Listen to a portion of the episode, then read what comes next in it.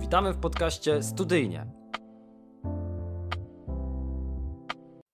Dzień dobry, cześć. Witam w kolejnym odcinku podcastu Studyjnie. Ja nazywam się Kacper Krotecki, a moim, a w zasadzie waszym dzisiejszym gościem jest Kamila Pępiak-Kowalska, zawodowo praktykujący edukator, konsultant, trener, mentor oraz coach, z wykształcenia ekonomista, politolog oraz pedagog, a z zamiłowania inspirator do myślenia i działania, który łączy teorię z praktyką, wiedzę z doświadczeniem, a także rozum z emocjami.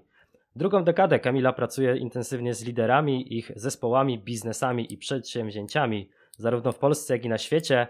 E, jest też nałogowym czytaczem książek wszelakich, e, gościnnie wykłada na kilku uczelniach w Polsce.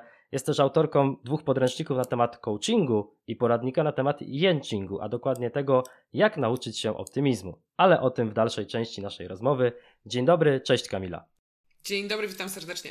E, rozpoczniemy naszą rozmowę standardowo od powrotu na studia, od powrotu do studenckich czasów. E, chciałbym na początek zapytać Cię, co zdecydowało o wyborze uczelni w Twoim przypadku? Jakie, jakie tam były czynniki? To generalnie trzeba by było rozłożyć to na części pierwsze, ponieważ miałam przyjemność studiować na kilku uczelniach. Na początku zdecydowały względy towarzyskie. W tym rozumieniu, że naprawdę bardzo miło wspominam swoje czasy i podstawówki, a potem liceum. Ekipę naprawdę mieliśmy zgraną i fajną i to spowodowało, że mimo namów rodziców, którzy bardzo chcieli, bo oryginalnie e, łączę się z Wami i teraz e, rozmawiam ze Szczecina. E, jestem w Szczecinie, wychowana w Szczecinie, to mimo tego, że rodzice namawiali mnie na Poznań, na Warszawę, na różne miasta, to stwierdziłam, że nie, tu są fajni ludzie, zostaję w Szczecinie. No i w ten sposób wylądowałam na Wydziale Humanistycznym na Uniwersytecie na politologii. E, natomiast później stwierdziłam, że politologia jako kierunek to jest jednak za mało. Ja z zamiłowania jestem, bardzo lubię matematykę, liczby, bardzo lubię świat, no teraz już wiem, że to jest świat biznesu, wtedy jeszcze nie za bardzo wiedziałam, co tak naprawdę lubię, ale coś mnie kręciło w takim mikro, makro podejściu, słowo marketing, zarządzanie mi się mhm. bardzo sexy wydawało. E, w związku z tym po pierwszym roku politologii zdecydowałam się na studiowanie równolegle na ekonomii. No i tu już względy czysto logistyczne zdecydowały, że w tym samym mieście, bo ciężko byłoby mi e, studiować stacjonarnie w dwóch miastach naraz. To były jeszcze e, dawne czasy, bo ja jeszcze z tego pokolenia, które online nie znało, uh-huh. w związku z tym nawet nie było takiej szansy. I tak się pojawiła ekonomia. Natomiast moim marzeniem zawsze było studiować za granicą. E, I dojrzałam do tego dopiero e, na końcówce swoich studiów e, magisterskich. I najpierw miałam możliwość wyjechania na Erasmusa, na, na stypendium Erasmusa do Wielkiej Brytanii gdzie zdecydowałam się zostać już, żeby kończyć studia magisterskie. I tutaj to marzenie z dzieciństwa, odpowiadając na Twoje pytanie, zdecydowało, że to akurat y, padło na Wielką Brytanię, a możliwości Erasmusowe wybrały mi miejsce, czyli maszyna losująca zwana mm, umowami bilateralnymi między różnymi uczelniami rzuciła mnie do Exeter, bardzo pięknego, nad, niedaleko y, morza i niedaleko plaży e, miasta, cudownego, pięknego mm, ośrodka studenckiego i to było tak, czyli znajomi, względy e, bardzo mocno pragmatyczne i logistyczne i marzenia z dzieciństwa. To są chyba odpowiedzi takie najbardziej mm, prawdziwe na twoje, na twoje pytanie dotyczące dlaczego akurat te kierunki, dlaczego te studia. Okej, okay, czyli mamy bardzo ciekawą mieszankę tak naprawdę czynników, które zdecydowały o, o wyborze studiów. E, nie zawsze te czynniki się pojawiają, jak rozmawia się z, z innymi osobami. I teraz pozostając w temacie studenckim, ponieważ jak sama wspomniałaś, tych kierunków było kilka, um, uczelnia uczelnia z, ze Szczecina, ale później też Erasmus, więc chciałbym zapytać o taką najciekawszą, a może najbardziej zwariowaną historię ze studiów, którą pamiętasz i która po latach e, właśnie przynosi uśmiech, uśmiech na usta. Zresztą ja mam mnóstwo takich historii, w sensie takich, które mi przynoszą po prostu uśmiech i, i miło mi się je wspomina, dlatego że ja, ja mam w życiu szczęście do ludzi. Na każdej z tych uczelni trafiałam na naprawdę bardzo fajnych i ludzi, z którymi studiowałam. E, i generalnie zazdroszczę zawsze studentów właśnie tego czasu, bo on jest naprawdę cudowny i fajny. I miałam też szczęście do, do, dosyć duże do wykładowców, więc e, tak na dobrą sprawę z każdej z tych uczelni mam mnóstwo takich małych typu, nie wiem, różnych kwestii związanych, jak tutaj wykombinować, żeby przez sesję, bo de facto jak studiowałam dwa kierunki, to koniec końców czasami w sesji zdarzało się nawet nie tylko naście, ale kilkadziesiąt egzaminów w trakcie całej, e, tej całej sesji. Mhm. W związku z tym tak sobie myślę, że ten zmysł przedsiębiorczości wtedy był bardzo mocno e, przeze mnie wyśrubowany i, i co tutaj zrobić, jak logistycznie i nauczyć się do tego wszystkiego mm, było potrzebne. Natomiast to co, to, co na pewno zapadło mi w sercu, to sposób, w jaki w Wielkiej Brytanii, sposób, z jakim się zderzyłam na początku, bo dla mnie był szokiem w, w tamtym czasie, a potem, który pokochałam, sposób, w jaki w ogóle traktowany jest student i w jaki sposób się studiuje. To, co mi się podoba w Wielkiej Brytanii, w podejściu brytyjskim i to, co zauważam, że już od jakiegoś czasu gości na naszych też polskich uczelniach rozgaszcza się może w ten sposób, to jest partnerskie traktowanie studenta. Studenta jako osoby, która e, nawet jeżeli ma inne zdanie niż profesor, to się do, to, to, to jest ok. Nie musi mieć takiego samego zdania jak wykładowca. No i tutaj wspomniałeś, rzeczywiście jestem też wykładowcą aktualnie na uczelniach i nawet zachęcam do tego, żeby się studenci ze mną nie zgadzali, żeby mieli zupełnie swoje inne zdanie. A do tego tak na dobrą sprawę na pierwszy raz Um, zaprosił mnie profesor, z którym miałam przyjemność spotkać się właśnie w Exeter, gdzie kompletnie nie zgadzaliśmy się w jednej kwestii, ale nie na zasadzie kłótni, tylko po prostu mieliśmy zupełnie inne zdanie. I do tej pory pamiętam moment, kiedy na koniec a, kulturalnie prowadzonej na argumenty rozmowy, a, pan profesor powiedział, wiesz co Kamila, tutaj musimy zapauzować, dlatego, za, dlatego że zabrakło mi argumentów. No i pierwsza moja myśl była, tak, jasne, nie chcę już mi się, ze, nie chcę jemu się ze mną gadać, a że jest Brytyjczykiem, no to w kulturalny sposób w białych rękawiczkach pewnie chce zakończyć. I on powiedział, że on po prostu potrzebuje y, doszperać tych, tych argumentów do, do naszej dyskusji. Pamiętam, że rzecz dotyczyła Unii Europejskiej, bo akurat taki kierunek też studiowałam. Y, I że musi pójść do biblioteki. No i to by było tyle na jego wypowiedź. Ja tak sobie jako taki zadziorny student, ja mówię, no dobra, z jednej strony wygrałam, ale z drugiej strony na pewno mnie po prostu najzwyczajniej w świecie zbył. I do tej, do tej pory pamiętam moje ogromne zdziwienie, kiedy tego samego popołudnia wybrałam się do biblioteki, bo akurat te studia wymagały bardzo dużo y, przebywania w bibliotece, czytania, dużo pracy własnej, bo, bo właśnie tam ta no to są plusy i minusy tego, że studenta traktuje się jako partnera, bo to też wiąże się z dużą ilością obowiązków, bo naprawdę trzeba być przygotowanym do każdych zajęć. Kiedy w bibliotece zobaczyłam pana profesora, rzeczywiście w dziale, e, o którym wtedy rozmawialiśmy, i rzeczywiście siedzącego nad książką, i autentycznie przyłapałam go na tym, jak szuka kolejnych argumentów do naszej dyskusji. I wtedy pamiętam, że tak sobie pomyślałam, ja cię kręcę, jakie to jest fajne. Bo przyznał się naprawdę, myślałam, że mnie zbywa, ale przyznał się do tego, że, że potrzebuje się doedukować. Profesor a wcale to ja nie, nie uważam, że jakaś taka wybitnie mądra byłam, tylko widocznie akurat w tamtej dyskusji e, tak jakoś w, udało mi się znaleźć te argumenty. I rzeczywiście się doedukował i rzeczywiście przyszedł na kolejne zajęcia i, i kontynuowaliśmy rozmowę. I ta taka wymiana zdań, która tak na dobrą sprawę w czasie rzeczywistym trwała raptem parę minut, to finiszowanie jego, a potem to nasze spotkanie, ale w bibliotece, gdzie też nie dyskutowaliśmy, po prostu ja go zobaczyłam, zauważyłam, jak wygląda sytuacja, wydaje mi się, że była takim jednym z momentów zwrotnych do mojego podejścia do edukacji. To jest też to, co ja, y, to czemu hołduję w, w, teraz, w momencie, kiedy ja jestem wykładowcą, kiedy ja w ogóle uczę też jako, jako trener, jako moderator, kiedy wchodzę do firm jako konsultant, e, do tego, żeby zapraszać i, i nie zawsze się ze sobą zgadzać, zapraszać siebie nawzajem do dyskusji i w sumie niezależnie od tego, jakie mamy doświadczenie, czy jaki mamy mm, stopień naukowy, kim jesteśmy, to żeby zawsze mieć taką pokorę, ej, ale ja nie wiem wszystkiego, ja się też chcę czegoś dowiedzieć i mam e, otwarty umysł. I dla mnie to był, to był to był game changer, tak na dobrą sprawę, do mojego podejścia do edukacji. To było rewelacja. Na pewno jeszcze do tematu edukacji, też Twojego podejścia do edukacji, prowadzenia e, zajęć czy, czy szkoleń e, wrócimy w dalszej części rozmowy. To, o czym wspomniałaś, czyli to miejsce na dyskusję na polu debaty akademickiej, tak niesamowicie ważnej, e, jest czymś naprawdę kluczowym, o czym warto wspominać. Natomiast ja jeszcze chciałbym na chwilkę pozostać w studenckich czasach wspomniałaś o, o, o tym profesorze z, z Exeter, e, który no, trzeba przyznać, że zapadł ci w pamięć e, w tamtym czasie. Natomiast chciałem dopytać, czy jeszcze jacyś prowadzący pojawili się na Twojej ścieżce, czy karierze, czy przygodzie studenckiej, którzy zapadli Ci w pamięć, albo czy były jakieś przedmioty, które Ci wyjątkowo, mówiąc kolokwialnie, siadły, albo nie siadły i dlatego też zapadły w pamięć? Wiesz co, zanim odpowiem na to pytanie, bo jest takich parę i przedmiotów, i wydarzeń, no to jak zacząłeś zadawać to pytanie, to sobie pomyślałam, ej, o profesorach będziesz opowiadać. Życie studenckie to nie tylko i wyłącznie uczelnia. I od razu przypomniał mi się akademik, w którym mieszkałam.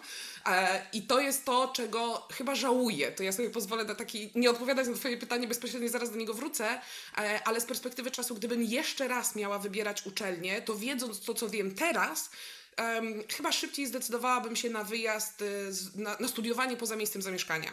Dlatego, że to daje trochę inny, ja nie mówię, że lepszy albo gorszy, ale inną perspektywę. To, że jest się poza domem, czyli tutaj pod auspicjami rodziców i, i to mimo wszystko jest takie wyjście i, i ta, takie w pół kroku w dorosłość. Jeżeli no, samemu się trzeba było, nie było o siebie martwić od początku do końca i czy to będzie e, wynajem jakiegoś mieszkania z innymi studentami, czy pokoju, czy właśnie akademik, to wydaje mi się, że to była taka równoległa do samych studiów dla mnie mega nauka i na przykład bardzo, bardzo dobrze wspominam. No i, i z tych aspektów studenckich, piątkowo-nocnych, sobotnich e, również akademik, bo akurat miałam szczęście mieszkać w akademiku bardzo wielokulturowym. Ja byłam jedyną Polką, a nas tam było w tym akademiku grubo ponad tysiąc osób. Imprezy były fenomenalne, bardzo mocno między, międzynarodowe. Natomiast y, i teraz, teraz wrócę do, do jeszcze jednej pani profesor też z Exeter, która na samym początku, profesor socjologii, na samym początku właśnie powiedziała, że w Wielkiej Brytanii w ogóle jest taka trochę tradycja już w tym momencie, że na koniec, na początek studiów ludzie, rodziny, które zamieszkują południe w Wielkiej Brytanii, jadą na północ, wywożą na północ swoje dzieci, ci z północy wywożą na południe. I tak sobie wtedy się zastanawiałam, ale po co oni to w ogóle robią? Natomiast to były pierwsze zajęcia, na jakich byłam, a potem już, już kończąc te studia uzmysłowiłam sobie, tak, to, to jest ta równoległa nauka, której nie mamy w sposób formalny, a która też nam naprawdę bardzo dużo daje. Ten mingling, możliwość wchodzenia między ludzi, y, budowania y, relacji, przyjaźni, które są tak na dobrą sprawę później na całe życie i, i są naprawdę fenomenalne, bezcenne i budują nasze wspomnienia i budują nas samych, są, są świetne. Więc, więc dopiero później na swoim, na swoim własnym doświadczeniu zrozumiałam to, co powiedziała mi na pierwszych zajęciach. I dokładnie ta sama pani profesor, i tu chylę czoła przed nami jako Polakami, bo też wspomniałaś o książce, zaraz też może o tym porozmawiamy, bo, bo jest dosyć, dosyć ciekawym i specyficznym narodem, jeżeli chodzi o proces uczenia się, podejścia do życia i tak dalej. Natomiast pamiętam, że na jednych też z pierwszych zajęć. Jakoś tak wyszło, że osoby z Europy Środkowo-Wschodniej siedziały po jednej stronie, osoby z Europy Zachodniej, myśmy wtedy jeszcze w Unii Europejskiej nie byli, w czyli bardzo dawno studiowałam w Wielkiej Brytanii, e, z w Europy Zachodniej, ze Stanów Zjednoczonych siedziały po, po, zupełnie przez przypadek, po, po drugiej stronie. I pamiętam, to pani profesor powiedziała, tak spojrzała się na nas i mówi, słuchajcie, ja was podziwiam za wiedzę, jaką wy macie. Naprawdę przyjeżdżacie tutaj i ten wkład wiedzy, te, te, ta ilość informacji, jest po prostu fenomenalna. To jest coś, co mm, my czasami sobie nie zdajemy z tego sprawy, jak dużo wiemy, dopóki gdzieś się nie zderzymy z jakimś innym światem i nie przekonamy się, ej, no ja rzeczywiście coś tam wiem bo cały czas mam wrażenie, jeszcze, jeszcze czegoś potrzebuję. Potem zwróciła się do tych osób z Europy Zachodniej i mówi, a wy fenomenalnie potraficie dać sobie radę. Jak czegoś nie wiecie, to wiecie, gdzie coś zorganizować, a z kim zagadać, gdzie się dowiedzieć. To też jest bardzo ważna umiejętność na studiach. Czyli wskazała na takie bardzo, bardzo istotne elementy na, podczas samego studiowania, ale też później w życiu, które się przydają. E, po czym spojrzała na nas z powrotem i mówi, i wiecie co, wy to tego, co oni tutaj potrafią, tego dowiadywania się, takiego znalezienia się w nowej rzeczywistości, szukania rozwiązań, nauczycie się mniej więcej w tydzień, dwa tygodnie. I pamiętam, że to tak nas podbudowało na zasadzie, wow, ogarniemy rzeczywistość. Po czym spojrzała się na tych z Europy Zachodniej, a wy tego, co oni wiedzą, nie nauczycie się nigdy.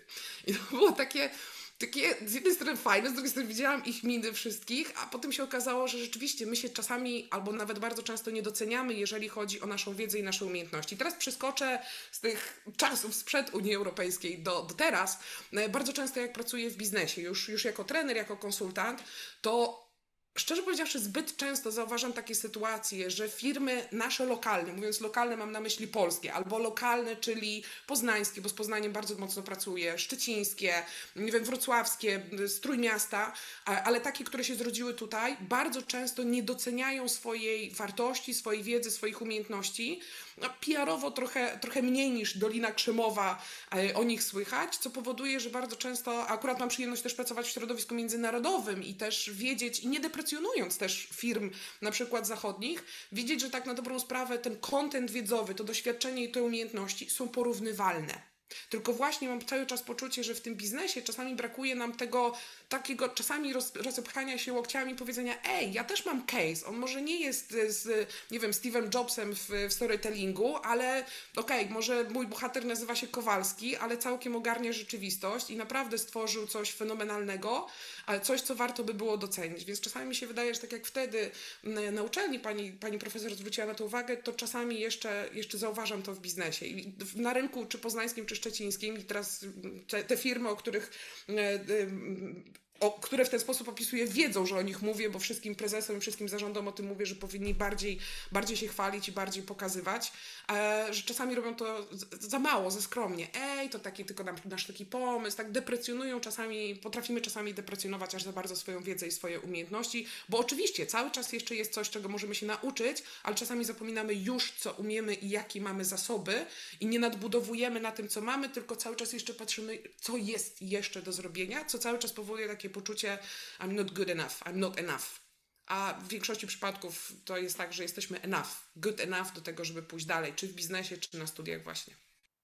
Rozmawiając na temat, na temat studiów i tego, co spowodowało, że wybrałaś takie, a nie inne studia, powiedziałaś, że między innymi czynnikiem były e, marzenia z dzieciństwa, czy marzenia z dzieciństwa o tym, żeby studiować za granicą, Wielka Brytania e, i tak dalej. Natomiast teraz chciałbym zapytać, już mniej więcej poruszyłaś ten temat tego, czym się na co dzień zajmujesz, z kim się spotykasz, jakie prowadzisz sesje e, i spotkania. Natomiast ponownie chciałbym zapytać o pewne czynniki czy e, powody, dla których e, wybrałaś taką, a nie inną ścieżkę zawodową, bo, nie, bo z jednej strony mamy wykształcenie politologia, pedagogika, ekonomia, natomiast wiem, że na co dzień prowadzisz zajęcia z biznesem, z kadrami menedżerskimi i skąd decyzja, żeby pójść akurat w tę stronę?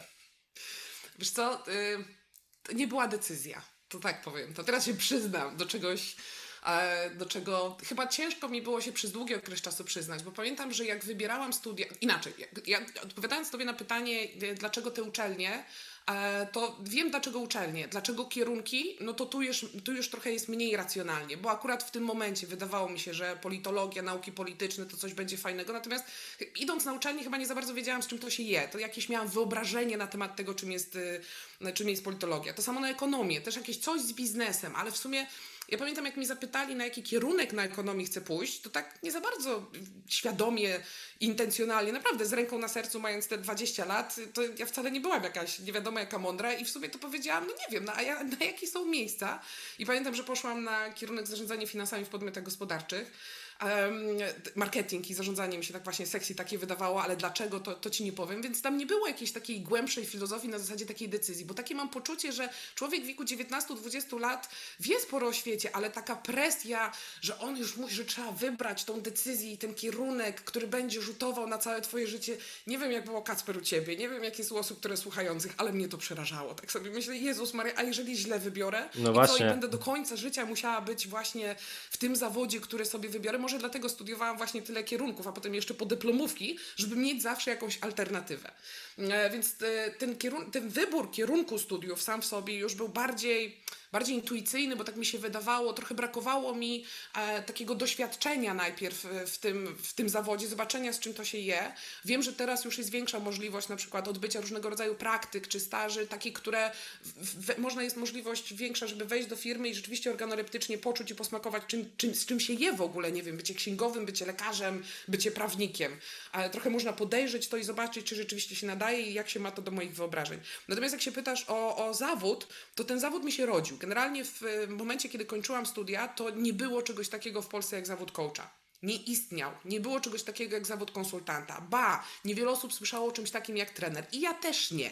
Więc do, do momentu, w którym jestem teraz, to tak powiem od strony już przedsiębiorcy i bardziej może biznesowo, e, ani ja nie poznałam, ani wcale nie miałam aspiracji, że będę osobą, która założy swoją własną pierwszą firmę i ta firma odniesie sukces. Aktualnie ta firma, którą teraz prowadzę, to jest trzecia moja firma. Pierwsza upadła po prostu z tak potwornym kretesem, E, ilość porażek, ilość fuck-upów, które tam zrobiłam, to, to, to, jest, to jest na osobną książkę w ogóle. To fuck-up story można by było z tego napisać. Chyba wszystkie możliwe książkowe e, błędy popełniłam. Druga firma, coś tam wyszło, ale kompletnie timing był żaden. Nie zrobiłam wystarczającego e, researchu, jeżeli chodzi o potrzeby rynku. I dopiero trzecia, trzecia firma, czyli tak na dobrą sprawę, jak teraz szybko sobie kalkuluję, to po 12 latach od zakończenia studiów mogę powiedzieć na chwilę obecną, że prowadzę firmę i jestem w obszarze zawodowym, który e, rzeczywiście optymalnie wykorzystuje moje kompetencje, moje umiejętności i moją dotychczasową wiedzę. Więc to nie było tak, że skończyłam studia, pach i jestem w, w zawodzie i w obszarze, który sobie wymarzyłam.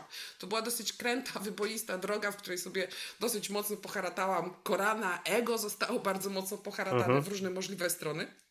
Z czego się z perspektywy czasu cieszę. Może nie wtedy, kiedy to się zdarzało, ale z perspektywy czasu na pewno to była dla mnie nauka. E, więc to, to nie było tak, że to była decyzja. I to nie jest tak, że zabrakło mi doradców po drodze, bo spotykałam się z doradcami. Naucze, każda z tych uczelni miała naprawdę fajnych ludzi, którzy starali się jak mogli. Natomiast zastanawiam się z perspektywy już może bardziej filozoficznie, na ile, czy w trakcie studiów, czy, czy na zakończeniu studiów jesteśmy w stanie podjąć decyzję dotyczącą swojej mm, roli zawodowej, skoro zawody tak mocno się zmieniają. Pewne zawody, a teraz to już w ogóle współcześnie. Wiele zawodów, które, nie wiem, 5-10 lat temu były czymś normalnym, nie istnieją i, i wiele, które teraz istnieją, w życiu by mi się 5, 10, 15 lat temu nawet nie śniło, że, że mogłyby w ogóle takie istnieć. Ale tym bardziej, że pamiętam a propos coachingu, ja pamiętam jak zaczęłam interesować się coachingiem i wchodzić w tą przestrzeń, to już 13-14 lat, mm, to pierwsze badania na temat coachingu, na jakie trafiłam, mówiły o tym, że job coachingu, że w Stanach Zjednoczonych średnio ludzie zmieniają zawód, nie pracę, a zawód około 12 razy. Nie miejsce pracy, nie, mhm. nie stanowisko. I pamiętam, że dla mnie to wtedy było, to, to 13-14 lat temu, że to było dziwne. Tak jak przez życie można tyle razy zmieniać, no do nas już ten trend powoli doszedł.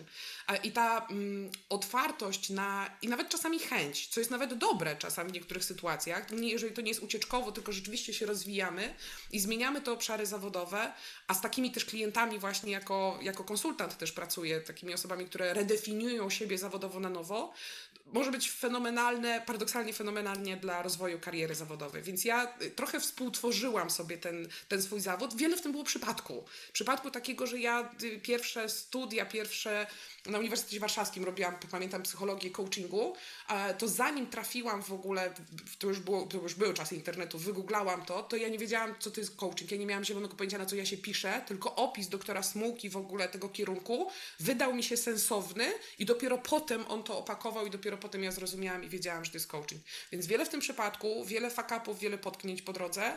Decyzji racjonalnej, Kasper, przyznam się szczerze, niewiele. Rozumiem, rozumiem. Znaczy, yy, fajne jest to z Twojej opowieści całej, to, że potrafiłaś wyciągać wnioski, tak? I e, jeżeli pojawiały się jakieś fakapy czy jakieś błędy, no to z każdym kolejnym podejściem i z każdym kolejnym budowaniem i rozwijaniem tej, e, tej ścieżki zawodowej one, one były niwelowane, czy były E, czy były naprawiane, także, e, także to jest na pewno warta uwagi i podkreślenia, podkreślenia rzecz też dla naszych słuchaczy, że e, to co powiedziałaś, tak, mając 19, nawet odbiegając od 24, kiedy się kończy studia, ale mając 19 i dopiero zaczynając tak naprawdę swoje dorosłe życie, stając przed wyborem tak naprawdę kierunku, który za 5 lat, kiedy będziesz kończyć studia, może być zupełnie e, innym kierunkiem. Jest Totalnie. jest, jest naprawdę czymś, e, no jest dużym wyzwaniem dla, dla młodych ludzi. Tutaj się całkowicie z tobą, e, z tobą zgadzam. I myślę, że rzeczą, która, e, która może pomóc e, te decyzje podejmować e,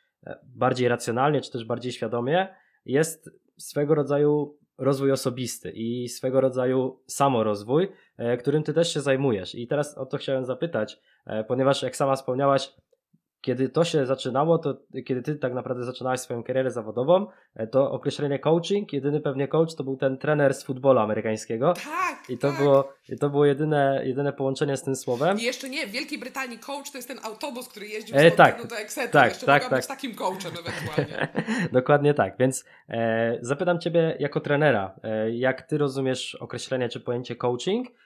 I trochę przewrotnie, może troszkę, e, żeby tutaj złapać za język, czy zgadzasz się z powszechną, niestety, i tutaj, tutaj stawiam znak zapytania, czy niestety, opinią o coachach i coachach. I tutaj mamy to drugie słowo w cudzysłowie, czyli że mamy coachów, faktycznie mentorów, trenerów i tak dalej, i tych, którzy lecą tylko w cudzysłowie na tym, że zostań zwycięzcą i, i tyle. Jaka jest tutaj mhm. Twoja opinia? Wiesz co, to zacznę od tego, że się zgadzam z tym w 100%, zaraz się z tego wy, wy, wytłumaczę. Natomiast jeszcze dorzucę do, do tego próbowania praktykę. Czyli tam, gdzie jest możliwe, żeby, jeżeli miałabym sama sobie, tak sobie myślę, dać radę, czego nie zrobiłam w satysfakcjonującym stopniu, a mogłabym robić, wiedząc to, wiem, to, co wiem teraz w okresie studiów, to jak najczęściej wychodzić do tego, ej, pokażcie mi, jak to się robi.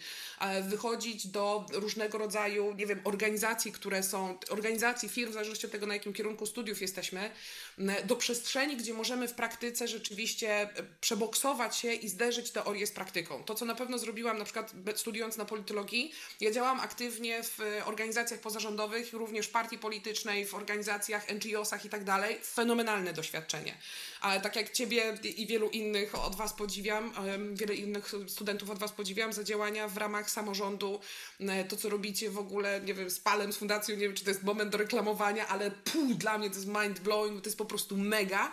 Nie dalej zresztą jak przedwczoraj jednemu z prezesów mówiłam, że znam taką ekipę, która jak wyjdzie na rynek po, po znaczy wyjdzie na rynek zaraz po studiach, to Wy jesteście gotowymi liderami. Wam żadne w tym momencie mm, e, praktyki, czy, czy żadne e, kursy dodatkowe nie są w ogóle potrzebne, bo robicie to rzeczywiście w życiu, więc taka taka moja rada dla samej mnie z przeszłości, tam gdzie jest możliwe i otworzyć się na w ogóle na, też na błędy, bo, bo nie idzie się do, do nie wiem, jako do NGO-su czy, czy właśnie do samorządu e, i nikt tam nie oczekuje, że idziesz jako gotowy produkt, który będzie mówił i wiedział, jak co trzeba robić, jak co, jak co robić. To jest przestrzeń, w której możemy się organoleptycznie uczyć na żywym organizmie i to, że czasami nie wyjdzie z perspektywy czasu będzie się przynajmniej z czego pośmiać. Więc to bym dorzuciła. Tam, tam gdzie jest możliwe, to co mi się podoba na przykład w Wielkiej Brytanii, a propos systemu edukacyjnego, tam wiele kierunków studiów jest w systemie kanapkowym.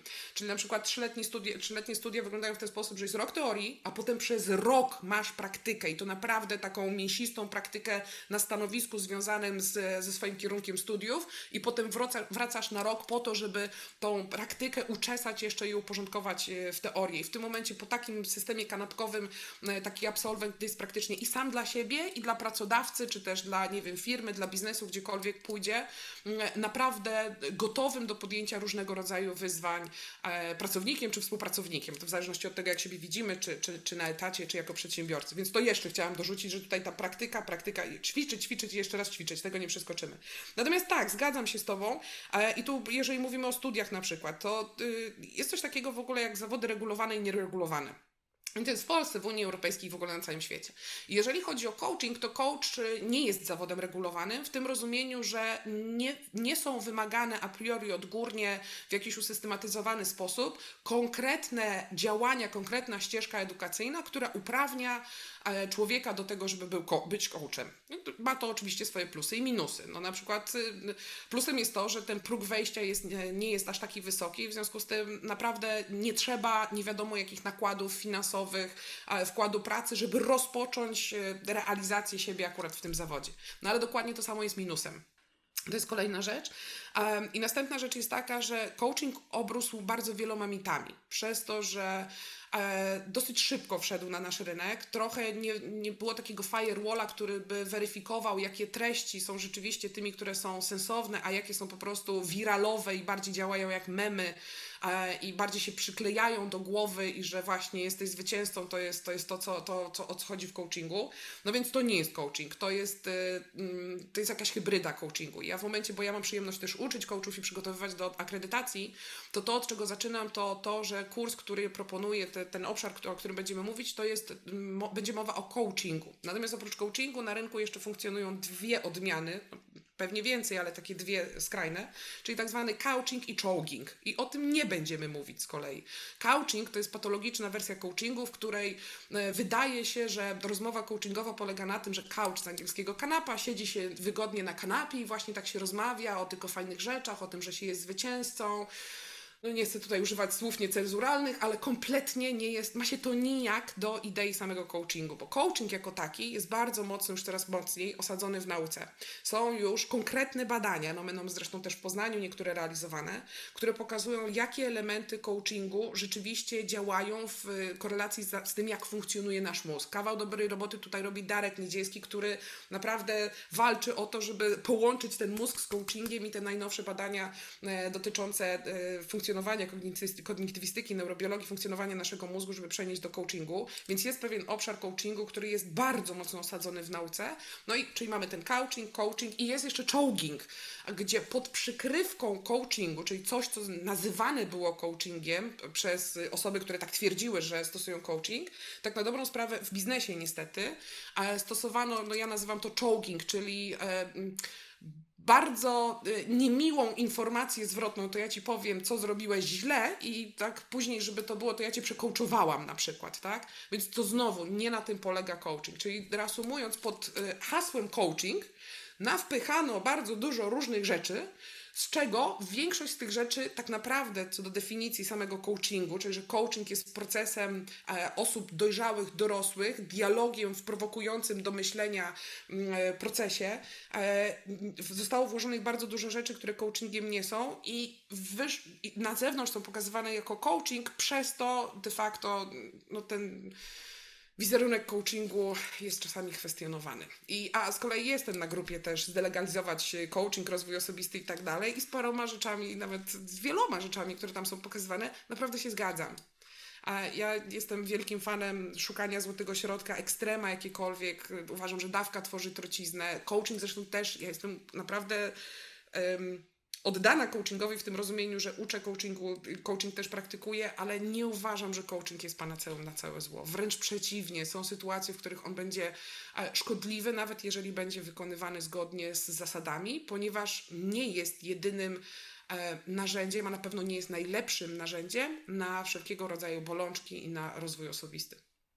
Jasne, bo tak naprawdę no to jest kwestia ostatecznie też indywidualna i takiego osobistego podejścia do, do samorozwoju i do rozwoju osobistego. E, ja się tutaj zgadzam z tym, co powiedziałeś, że czasami e, to jest też problem nie tylko pewnie w coachingu, ale to jest też ogólny problem społeczny, czyli że ci, którzy mają najmniej do powiedzenia, zwykle są na piedestale i przez to też, przez to też później niestety ci, którzy nazywają się coachami, tutaj ponownie jest to określenie w cudzysłowie, są niestety na, na tapecie, budując troszkę nie, niekorzystny wizerunek E, wizerunek e, samych coachów, którzy faktycznie tą pracą się zajmują tak, w sposób poprawny dwie rzeczy. Po pierwsze, sensacja się sprzedaje, to, to, czyli takie jakieś ekstremalne, dziwne sytuacje, e, to, to, to wtedy bardziej to widać. A po drugie, coaching ma jeden zasadniczy problem.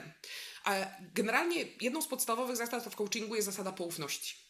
W związku z tym, tak na dobrą sprawę, to co naprawdę się dzieje w coachingu, jeżeli klient sobie tego, albo inaczej, z założenia nie mamy prawa jako coachowie mówić o tym, co się dzieje w coachingu, chyba że klient zwolni nas z tej zasady poufności. I mam takie sytuacje, gdzie nawet z i nazwiska e, klienci godzą się do tego, żeby mówić o ich case'ach, albo sami mówią, bo też z moimi klientami na konferencjach występują, oni sami opowiadają o swojej ścieżce. Natomiast z założenia e, ta, ta zasada poufności obowiązuje, w związku z tym nawet czasami się taki coach nie może obronić i powiedzieć, ej, ale ja mam inaczej, bo. No nie mogę tego powiedzieć, bo obowiązuje mnie zasada poufności i w tym momencie klient jest dla mnie ważniejszy niż PR jako taki, więc, no, więc to jest czasami smutne. Ale naprawdę kawał dobrej roboty um, organizacje nasze coachingowe teraz robią. Zresztą wiem, że organizują też spotkania takie ogólne, gdzie odpowiadają na wszystkie pytania.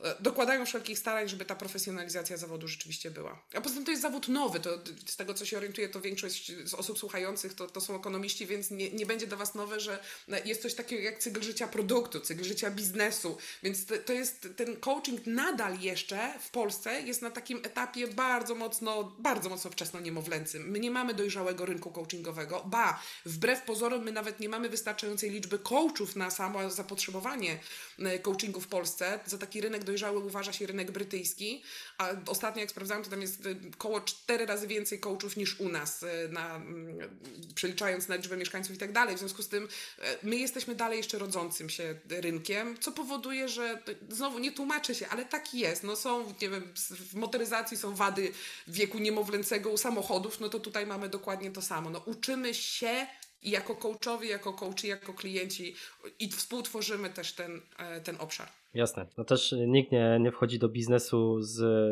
pełną wiedzą, tak jak też o tym wspomniałeś już wcześniej, e, czyli to też jest logiczne, że pomimo tego, że wydaje się, że coach jest osobą, która ma naprawdę ogromną wiedzę, to dalej, e, dalej powinien się uczyć, żeby też pewne rzeczy, pewne rzeczy wyciągać i te dobre praktyki i te dobre praktyki też we własnej, we własnej pracy wprowadzać.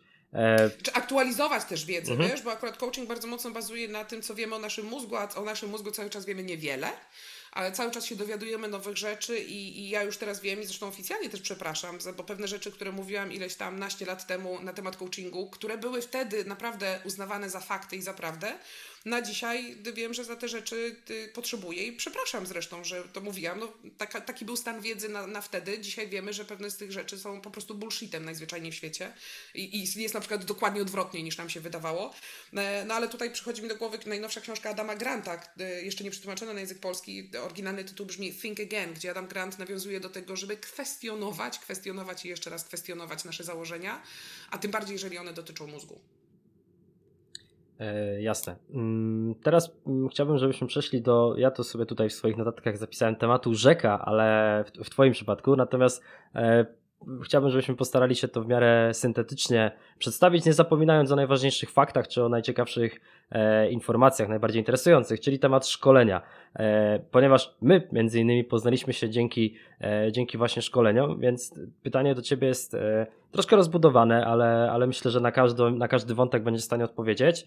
E, czyli po pierwsze doświadczenia Twoje z, z, ze szkoleniami, między innymi też to, kogo miałeś okazję szkolić i wiedząc już o tym, że szkolić kadry menedżerskie, szkolić prezesów, e, szkolić osoby na wysokich stanowiskach, ale z drugiej też strony wydaje mi się, że masz ogromną przyjemność, tak, tak, tak ja to odbieram ze swojej perspektywy, e, szkolenia dla, szkoleń dla studentów, e, więc pytanie o to, jaką ogólną wartość mają dla Ciebie szkolenia. No i wracając też troszkę do tego, o, czym pytał, o co pytałem na samym początku w kwestii studiów, Czyli jakaś ciekawa anegdotka, którą chciałabyś się podzielić dotycząca, e, dotycząca twa, całej Twojej historii e, ze szkoleniami.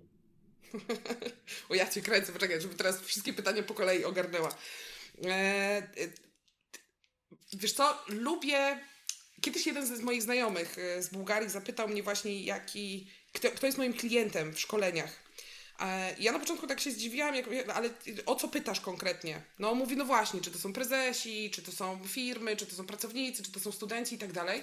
I pamiętam, że to pytanie mnie tak zastanowiło, wiesz co, no ja ci mogę powiedzieć, kim miałam do czynienia, ale generalnie dla mnie na szkoleniach najważniejszy jest człowiek.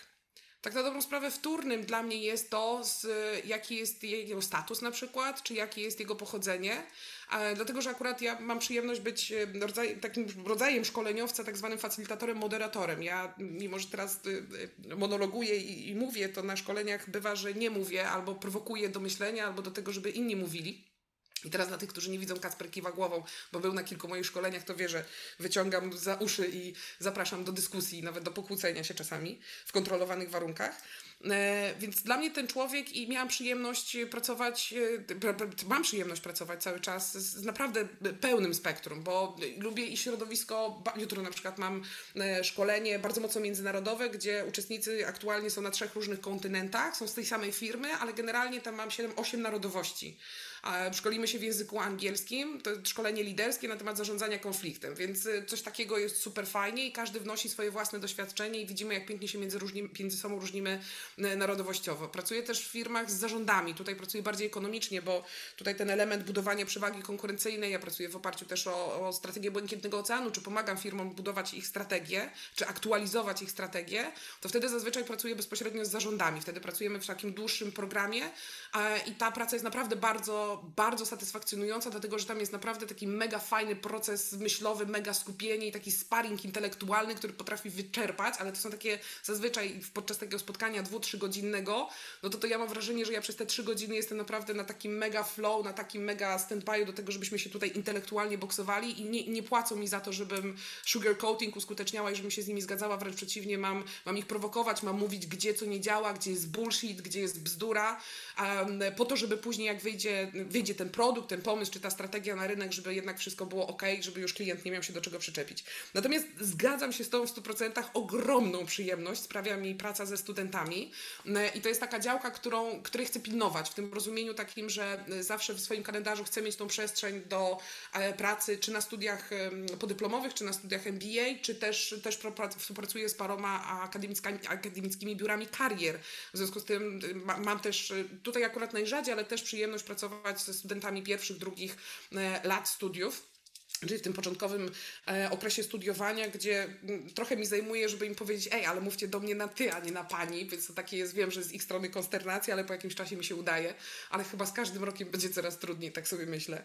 Mm, e, dlatego, że e, mam poczucie, że to jest takie zasiewanie fajnego ziarna i chciałabym chyba tak sobie teraz myślę, że chyba chciałabym być takim tym profesorem e, Loganem, którego spotkałam wtedy w bibliotece po tej naszej dyskusji. Chciałabym takim profesorem być przynajmniej tak trochę dla, dla niektórych studentów, z którymi mm, los mnie styka i akurat mam przyjemność w sumie no, na, na chwilę obecną na czterech uczelniach, dwóch w Szczecinie, jedna w Poznaniu e, i jedna w Warszawie prowadzić zajęcia. I tego się będę trzymać, że chcę pracować ze studentami, trochę czerpać od Was też energię, bo, bo po każdych zajęciach wychodzę taka, ja Cię kręcę, to jest taka, mój mentor kiedyś powiedział, że to jest w ogóle ten zawód, który wykonujemy, jest fenomenalnym zawodem, bo to jest taka sytuacja, że obydwie strony się uczą. Ja naprawdę po zajęciach ze studentami, nie wiem, to może się komuś wydawać dziwne, ale autentycznie z ręką na sercu po zajęciach, a ja też czasami takie mam gościnne występy w szkołach podstawowych czy w liceach, więc dla mnie naprawdę wiek nie stanowi, po takich zajęciach wychodzę też bogatsza o jakąś wiedzę i uważam, że to jest fenomenalna sytuacja, bo tutaj jedna i druga strona się uczy, jednej za to płacą, czyli ja to płacą mi za to, że ja się uczę, więc to jest dla mnie, e, dla mnie marzenie. A, a jeszcze, no i tutaj naprawdę, tu, tu, tu będzie leciała, mm, leciała, i to nie jest podlizywanie się, to jest prawda, bo i ty Kacper o tym wiesz i to nie tylko tobie, ale w ogóle wam wszystkim mówię, a praca z takimi studentami właśnie aktywnie działającymi w samorządach, e, tak jak wy funkcjonujecie, to jest naprawdę mega czysta przyjemność, bo ja jestem autentycznie święcie przekonana, że to są, e, to są już teraz liderzy, ale to są w, w biznesie naprawdę osoby, które, które pięknie będzie mi się później w przyszłości oglądały, jak będą na pierwszych stronach gazet albo odnosiły sukcesy. Mnie generalnie cieszy sukces innych ludzi. Ja y, lubię siedzieć, kiedyś, kiedyś tak definiowałam w ogóle swój zawód, bo mi jest ciężko powiedzieć, czy ja, w zależności od tego, jaki to jest y, sezon, który to jest miesiąc, czasem jestem bardziej konsultantem, czasem trenerem, czasem coachem, czasem doradcą, mentorem, czasem wykładowcą bo tutaj jest bardzo duża sezonowość w tych wszystkich obszarach, ale generalnie w każdej z tych ról siedzę sobie w pierwszym rzędzie, w takim VIP-owskim rzędzie w teatrze życia mojego klienta. I czy tym klientem jest podmiot jak organizacja, czy jak firma, a czy uczelnia, czy, czy jednostka. I naprawdę z dobrego miejsca mogę sobie obserwować tego klienta na scenie, jak, jak funkcjonuje w swoim życiu I to jest, to jest naprawdę mega satysfakcjonujące. Mnie naprawdę mega cieszą sukcesy wszystkich moich klientów i to nie dlatego, że ja siebie tam widzę jako, że to była moja zasługa. Nie, bo to ja mówię nawet o klientach, z którymi już 10 lat, 15 się nie widziałam, w związku z tym tam, ta moja zasługa to już dawno została pogrzebana przez y, miliony innych doświadczeń ale sam fakt, że kolejne osoby y, realizują siebie, bo ten sukces też jest różnie definiowany, jest, jest naprawdę e, mega satysfakcjonujący. Trochę odpłynęłam od Twojego pytania, ale naprawdę to jest. Y,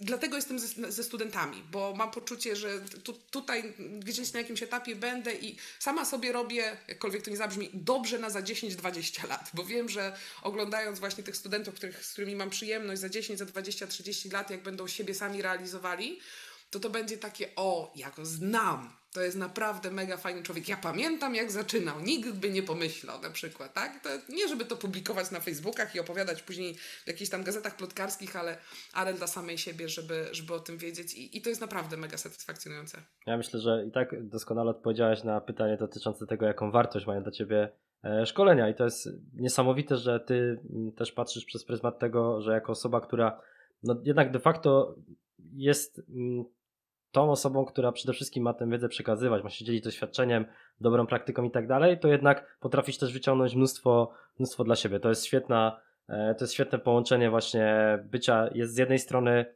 e, mentorem, z jednej strony coachem, trenerem, ale z drugiej strony też widać zaangażowanie bycia uczestnikiem szkolenia, które się samemu prowadzi e, i dzięki temu zdobywania i poszerzania swojej wiedzy. A jeszcze tutaj jedną rzecz powiem, a to, to mój klient kiedyś zwrócił na to uwagę. Mówi, ty Kamila, ty jesteś jak wirus. I ja myślałam, nie wiedziałam, czy mam się na niego obrazić, czy mam się cieszyć. On mówi, bo ty tak chodzisz po różnych ludziach i oni tak dosyć blisko się ciebie, e, blisko ciebie zapraszają, a potem, oczywiście cały czas przy zachowaniu poufności, robisz transfer wiedzy. Bo ja bardzo lubię na przykład robić transfer wiedzy między, e, między branżami.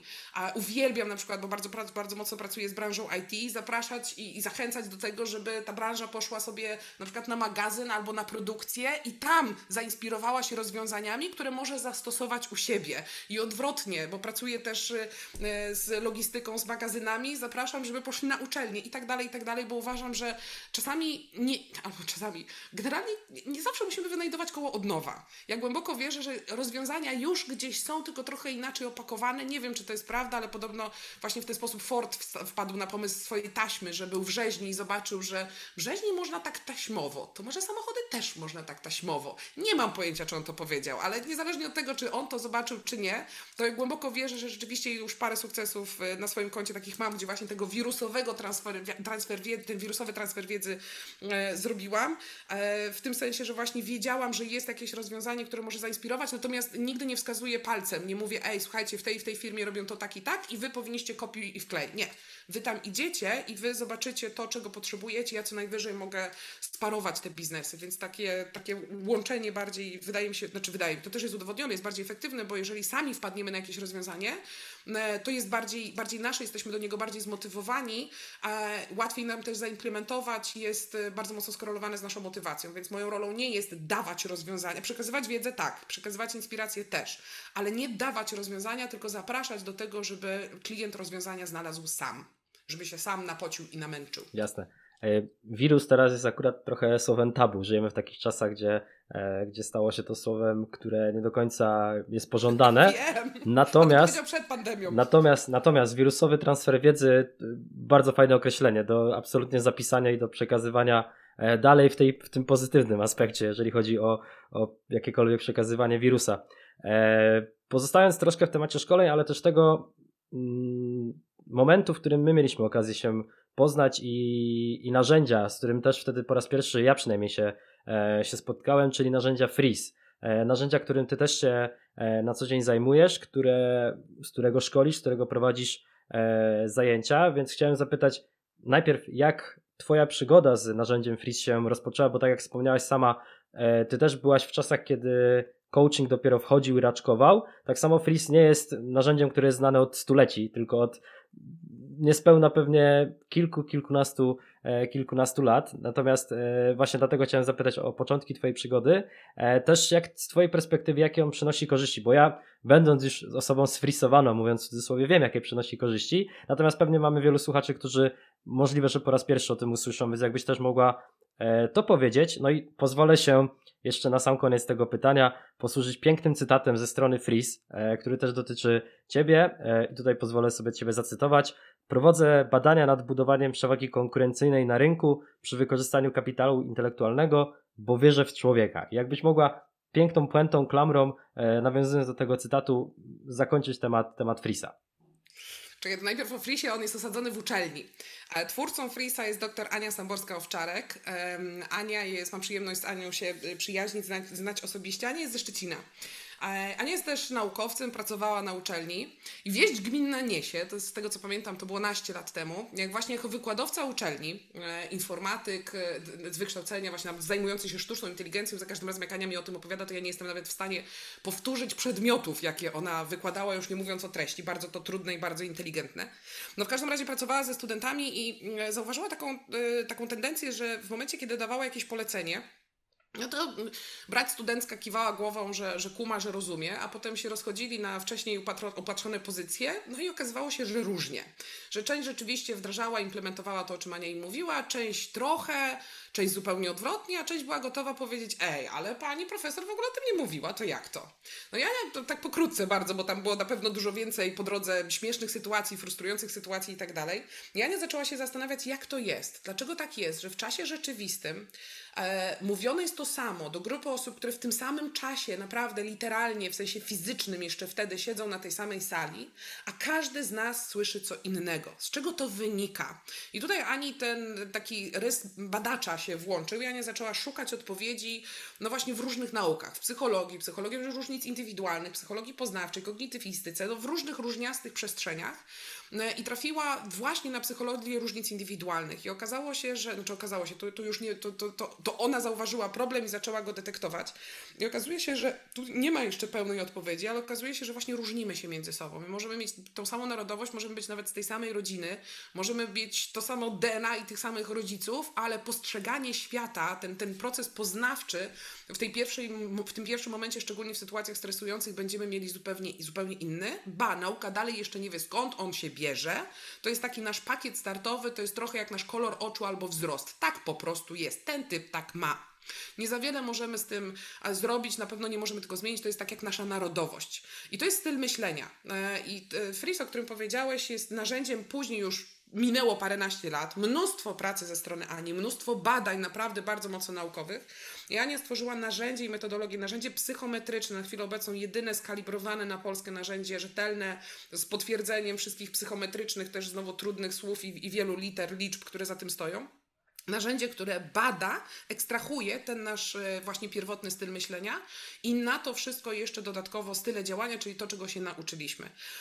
Więc tak się zaczęła przygoda. Na uczelni, czyli widzisz, ty się pytałeś, dlaczego lubię uczelnię, no bo tam się rodzą piękne rzeczy, naprawdę z różnych perspektyw, no ponieważ się okazało, że to nie jest tak, że z, tymi studentami coś było nie tak. Zresztą Ania w ogóle ani przez moment tak nie zakładała, tylko że po prostu my jako ludzie tak po prostu mamy.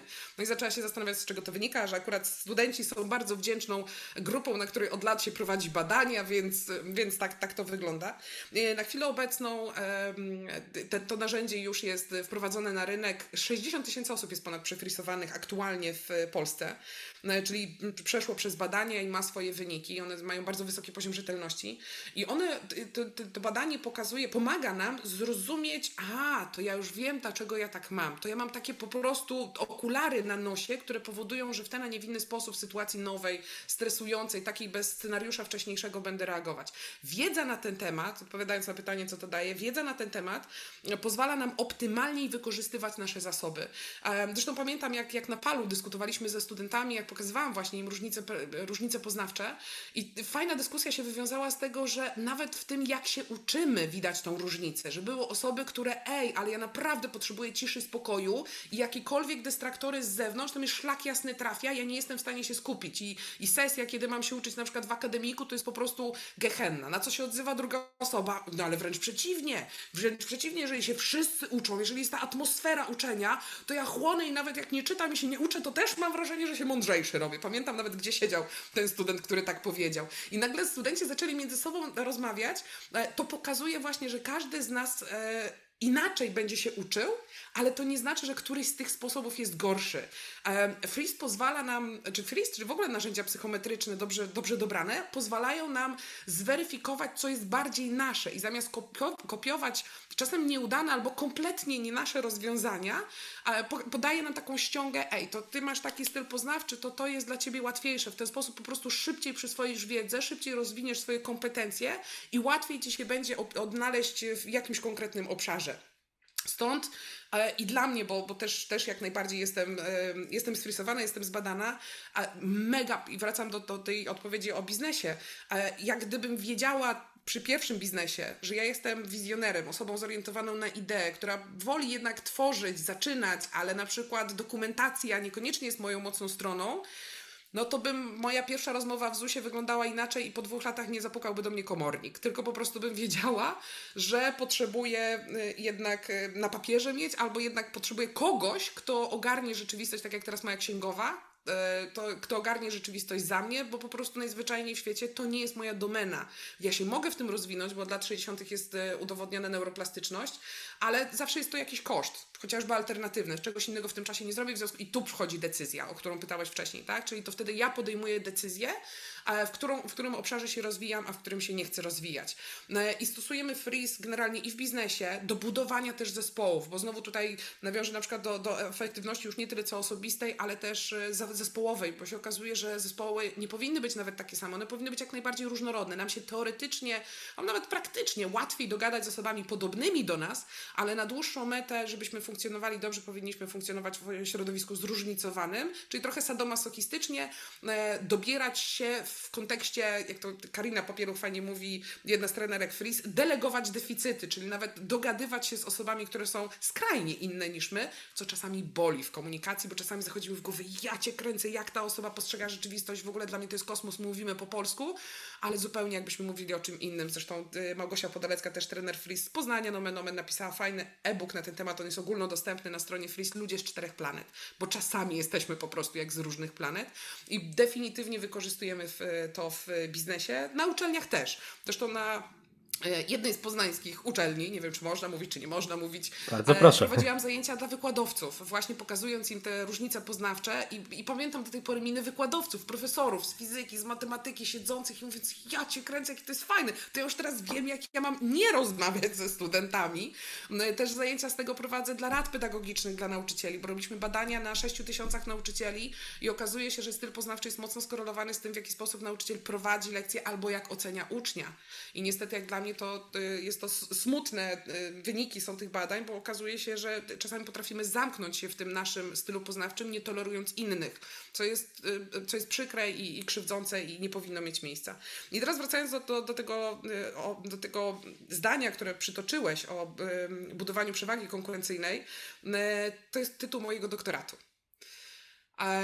W, zaczynając w ogóle przygodę z doktoratem, e, bardzo chciałam na ekonomii, bardzo mocno chciałam zweryfikować, dlaczego tak jest, że właśnie w Polsce, wtedy jak, jak zaczynałam pisać doktorat, i w Wielkiej Brytanii usługi, bo pisałam konkretnie o konkretnych usługach weterynaryjnych, zwierzęta są te same. No, psy wszędzie mają, w większości, nie wszystkie, no ale w większości cztery, cztery łapy, pyszczek, ogon, machają. Właściciel jest właściciel, z większości przypadków zdecydowanie kocha tego swojego psiaka, ale mimo wszystko te usługi trochę inaczej funkcjonują. I się zastanawiać, bo robiłam taką analizę porównawczą właśnie, a jak tą przewagę konkurencyjną, akurat tutaj mówimy o, o biznesie, który ma zakaz reklamowania się, czyli tutaj nie można budować przewagi konkurencyjnej w oparciu o ten szeroko pojęty marketing i tak dalej, czyli e, ograniczone możliwości właśnie budowania tej oldschoolowej przewagi konkurencyjnej są. E, I okazuje się, że po tych moich badaniach wyszło, że tak na dobrą sprawę tym największym potencjałem jest człowiek, jest e, lekarz, jest personel pomocniczy w przypadku usług weterynaryjnych, ale przyniosłam to później na, na, inne, na inne branże, na, na inne firmy. E, I tak na dobrą sprawę naprawdę kapitał intelektualny jest mega ważny i to optymalne wykorzystanie, wykorzystanie w, tego, w potencjalnym tego słowa znaczeniu, pozytywnym tego słowa znaczeniu potencjału naprawdę robi różnicę i dla pracownika, i dla pracodawcy. I jeden z, jeden z y, modułów szkoleniowych, jaki prowadzę y, z przywództwa, to jest moduł dotyczący szeroko pojętego dopasowania stanowiskowego i szczęścia w pracy. I na początku, jak, jak zaczynam o tym mówić, szczególnie do tej pory pamiętam taką jedną firmę, 11 dyrektorów biznesowych siedzi, jak ja tam im o szczęściu opowiadam w pracy. I pamiętam ich miny na zasadzie, e, przyjechała z jakimś szczęściem. Jakie szczęście? Pracę trzeba pracę wykonać. Firma z branży IT, duża bardzo, japońska, wielka, straszna. I oni tak się na mnie patrzą i tu przyszła mi o szczęściu opowiadać. Natomiast okazuje się, że jest coś takiego jak kalkulator szczęścia w pracy. I dalej idąc, okazuje się, że są konkretne liczby, które stoją za tym, że jeżeli mamy pracowników, i e, oni są nieszczęśliwi. Nie mówię tutaj o szczęściu na zasadzie jednorożców, tęcz i, i, i, cudowności i uśmiechania się tylko, bo nie tak definiuję szczęście. Szczęście jako kompetencje, szczęście jako dopasowanie stanowiskowe i szczęście właśnie jako optymalne wykorzystanie kompetencji, kwalifikacji, wiedzy i możliwości powoduje, że firma, która optymalizuje to i bierze to pod uwagę, oszczędza grube miliony. Naprawdę, tu nie mówimy o 5 zł, 50, 500, tylko przy firmach, które mają paręset pracowników, tu wchodzimy naprawdę w miliony euro, czyli w, na, na polskie przeliczając, to są naprawdę grube pieniądze. Dlatego, że okazuje się, że jeżeli mamy dopasowanie stanowiskowe, to jest niższa rotacja pracowników. Rzadziej pracownicy e, od, odchodzą na czy rzadziej nie przychodzą do pracy, dorzucają nam L4, czy idą na chorobowe. Zwiększa się produktywność, a to wszystko przekłada się na konkretne liczby, czyli okazuje się, że to szczęście i to dopasowanie i to optymalne wykorzystanie kapitału intelektualnego autentycznie buduje nam przewagę konkurencyjną. Jedną rzecz a propos jednego ważnego słowa w tym całym wywodzie przywodu konkurencyjnej, budowania przewagi konkurencyjnej muszę powiedzieć. Ja pamiętam, ja, ja bardzo lubię etymologię słów, bo mam poczucie, że źródło słów bardzo dużo nam mówi w ogóle o tym słowie. E, słowo konkurencja bardzo długo kojarzyło mi się oczywiście ekonomicznie i tak dalej. Trzeba zniszczyć konkurencję, walka z konkurencją. Takie terminy bardzo często się pojawiają. I pamiętam, jak trafiłam na właśnie etymologię słowa konkurencja. Z łaciny konkurencja to jest concurare, biec wspólnie. I dla mnie to było ja. Przecież konkurencja to może być coś, co zespół wespół buduje w ogóle daną, daną branżę, dany rynek. I bardzo mnie cieszy, bo, bo sam tytuł wymyśliłam, do doktoratu wymyśliłam 14 e, lat temu, więc to już jest E, do, dawno, kiedy jeszcze nie było, nie wiem, klastrów, inkubatorów i tak dalej. I bardzo mnie cieszy, na przykład w Szczecinie mamy cudowny technopark, gdzie firmy, które teoretycznie są ze sobą de facto ten sam klient jest ich klientem, ale ze sobą współpracują, tworzą wspólnie projekty. I wcześniej mówiłam, użyłam terminu co-petition, nawet nie ma dobrego tłumaczenia na język polski, czyli, połączenie cooperation i właśnie konkurencji, czyli konkurowanie, czyli współdziałanie na rzecz tego samego rynku. To jest, jeszcze przy wykorzystaniu tego kapitału intelektualnego, to to jest coś, co jest y, naprawdę fenomenalne. Głęboko wierzę i cieszę się, że w ogóle biznes w tą stronę idzie. W wielu branżach, oczywiście w każdej branży trochę innym tempem, natomiast y, no, najnowsze badania dotyczące różnic pokoleniowych mówią, że to Kacper, wasze pokolenie doprowadzi do kwintesencji tej, tego co-petition ze względu na właśnie wasz taki rys pokoleniowy i tego pięknego połączenia między wartościami, czyli tym, co ważne, i tym, co istotne. Bo trochę moje pokolenie to bardziej szło w to, co istotne. Szybciej, więcej, bardziej, mocniej. A, a wy jeszcze wnosicie, ej, ale to są pewne rzeczy ważne, jak na przykład relacja, jak na przykład człowiek, jak na przykład to nie tylko, że się żegnamy, ale też jak się żegnamy, bo przecież możemy się spotkać w biznesie, w związku z tym nie możemy robić e, cięć, bo, bo nigdy nie wiadomo, kiedy się właśnie. Świat jest mały, już teraz nawet nie miasto jest małe, nie kraj jest mały, ale teraz świat jest mały. Z jednej strony wydaje się, że jest ogromny, ale z drugiej strony faktycznie to, co powiedziałeś, jest, jest mały. Ja sobie i, i całemu mojemu pokoleniu życzę, żeby e, Twoje słowa niejako były prorocze co do tej koopet koopetycji, competition, może pewnie koopetycja nie jest jeszcze uznawana, ale, ale myślę, że wiadomo, e, wiadomo o co chodzi. E, Kamila, na sam koniec naszej, naszej prze, prze, przemiłej rozmowy e, chciałbym, żebyśmy wrócili do tematu Twojej nowej książki. O czym ona jest, co Cię zaskoczyło w procesie twórczym, bo pisanie książki nie, to nie jest marowanie chleba masłem, także to nie jest pewnie zadanie łatwe, więc pewnie pojawiły się też jakieś wyzwania, o których jeżeli chcesz, to możesz się też z nami podzielić. No i na koniec muszę zapytać, kiedy premiera? Okej, okay, słuchaj, to, to może zacznę, te, kontynuując to, co wcześniej zaczęłam mówić, e, z tym doktoratem, to tak, żeby była jasność. Ja nigdy w życiu nie obroniłam doktoratu. Ja go otworzyłam, ja go napisałam, ale zrezygnowałam. E, I zrezygnowałam y, po napisaniu, po, po rozmowie z panią promotor, że content mogę sobie wykorzystać właśnie na szkolenia, bo dosyć dużo rzeczy zbadałam. Po zamknięciu doktoratu uzmysłowiłam sobie nomen omen podczas sesji coachingowych z moim, klient, z moim e, coachem, że ja totalnie straciłam do niego serce. Dlatego, że motywacja nam, e, motywacja jest uzależniona takich, między innymi od takich czterech czynników, że jeżeli mamy na coś wpływ, jest to nasza decyzja, mamy świadomość zasobów i jest to dla nas atrakcyjne, to wtedy z dużym prawdopodobieństwem będziemy mieli motywację. Ja miałam wpływ, decyzja była moja, miałam, miałam zasoby, natomiast totalnie przestało być dla mnie sexy. Um, I zamknęłam przewód. Natomiast y, pisanie książki otworzyło mi ten proces, ten element procesu pisania doktoratu, który najbardziej mi się podobał, czyli zanurzenie się w książkach, zanurzenie się w badaniach naukowych, zatonięcie w meandrach różnych, e, różnych dziedzin, różnych obszarów. Y, generalnie książka z założenia jest poradnikiem o tym, w jaki sposób E, nie narzekać, nie jęczeć, nie, nie marudzić e, i w jaki sposób możemy sobie budować optymizm, e, ale bardzo mocno, moim założeniem było, żeby bardzo mocno osadzić to w nauce, czyli ten optymizm nie jest definiowany tylko i wyłącznie jako wieczna szczęśliwość i wieczny uśmiech, ale optymizm to są takie cztery podstawowe komponenty jak posiadanie nadziei, jak sprawczość, E, jak umiejętność e, dostrzegania w ogóle, istnieje coś takiego jak kod szczęścia, czyli widzenia tego, e, tego szczęścia i, i poczucie własnej skuteczności. Te cztery elementy tworzą w ogóle komponenty, komponenty optymizmu. Rozkładam je na części pierwsze. Natomiast chciałam pokazać to przez pryzmat nas jako Polaków, bo pracując, wcześniej wspomniałam, w środowisku międzynarodowym, zauważam, że parę rzeczy nas wyróżnia. No, oprócz tej wiedzy, którą mamy, że czasami się nie, nie właśnie nie, nie zawsze potrafimy dobrze sprzedać, pochwalić czymś, to generalnie na początku tak się zastanawiałam, z czego to wynika, ale często zdarzało się, że y, to my najczęściej, w sensie na, nasza nacja, przedstawiciele naszej nacji najczęściej na coś narzekali, coś nam się nie podobało, włącza nam się jęcznik, e, nie fajnie, nie można, nie umiemy, nie potrafimy i tak dalej. W sensie, ja cię kręcę, no jak? No to przecież da się. No okazało się, że nie zawsze i pamiętam, że długo się zastanawiałam, z czego to wynika. Myślałam, że to może takie jakieś jednostkowe przypadki, że takie osobnicze. Natomiast do tej pory pamiętam jak e, moment, kiedy rozmawiałam z, z Poznania z profesorem Adamem Szymaniakiem i on mówi, ty, wiesz, że trafiłem na badania, które mówią, że Polacy są najbardziej neurotycznym narodem, na, y, narodem w Europie. I tu mi się otworzyła pewna klapka. Ja mówię, o, i tu jest jakiś trop. Neurotyczność rozumiana jako takie spięcie, taki stres, takie nie da się, takie nie potrafię. I my naprawdę jesteśmy, według statystyk, najbardziej neurotycznym narodem na świecie.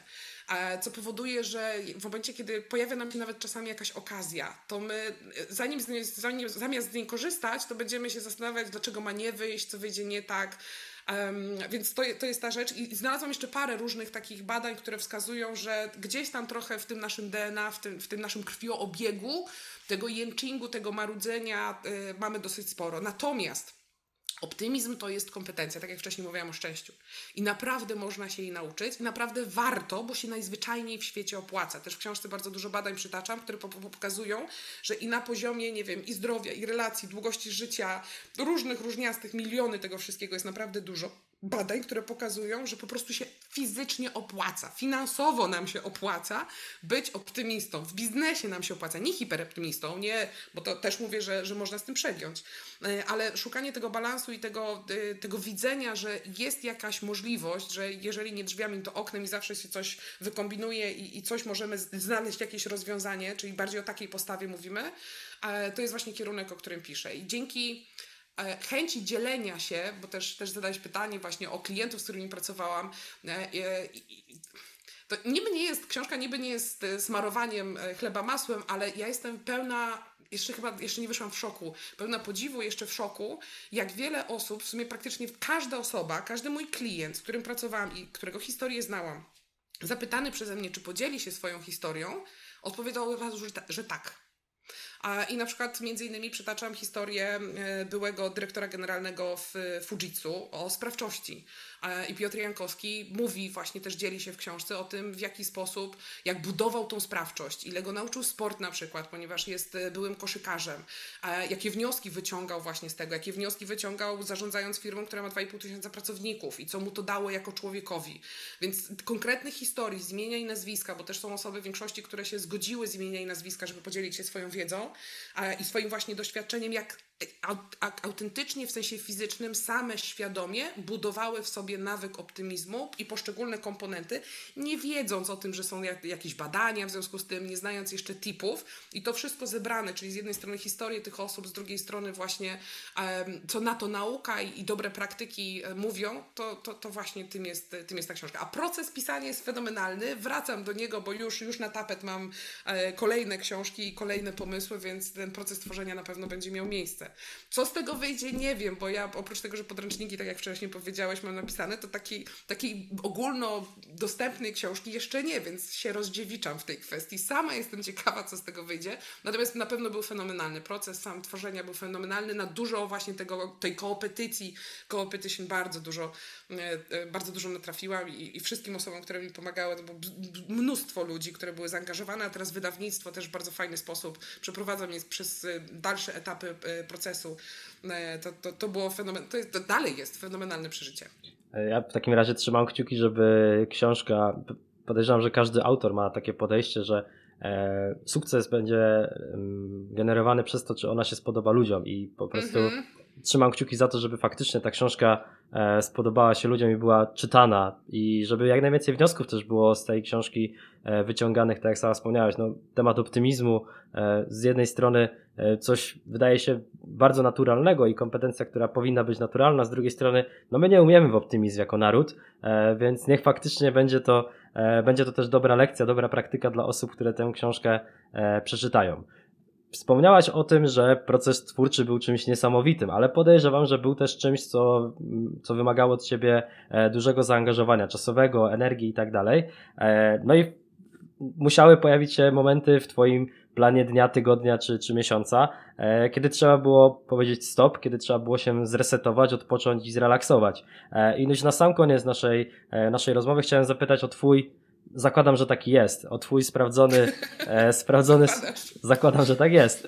E, o twój sprawdzony sposób na odpoczynek, czy sposób na, na relaks. E, wiesz co, ja sobie nie wyobrażam całego procesu pisania książki, gdyby nie było w tym takich mini rytuałów, które sobie już wypracowałam od dłuższego czasu i które naprawdę bardzo mocno się sprawdzają. E, po pierwsze, ja nie mówię, że to jest patent na rację i u każdego tak musi być, ale teraz y, dla tych, którzy nie widzą, y, Kacper pije wodę, ja też mam wodę. W związku z tym y, woda musi być, musi być cały czas nawodnienie tego organizmu. E, u mnie każdy poranek zaczyna się od tak zwanego guided meditation, czyli takiej medytacji prowadzonej, bo ja mam za duży kociokwik w głowie, żebym w ciszy potrafiła wytrzymać, więc ktoś mi musi mówić, co ja mam robić.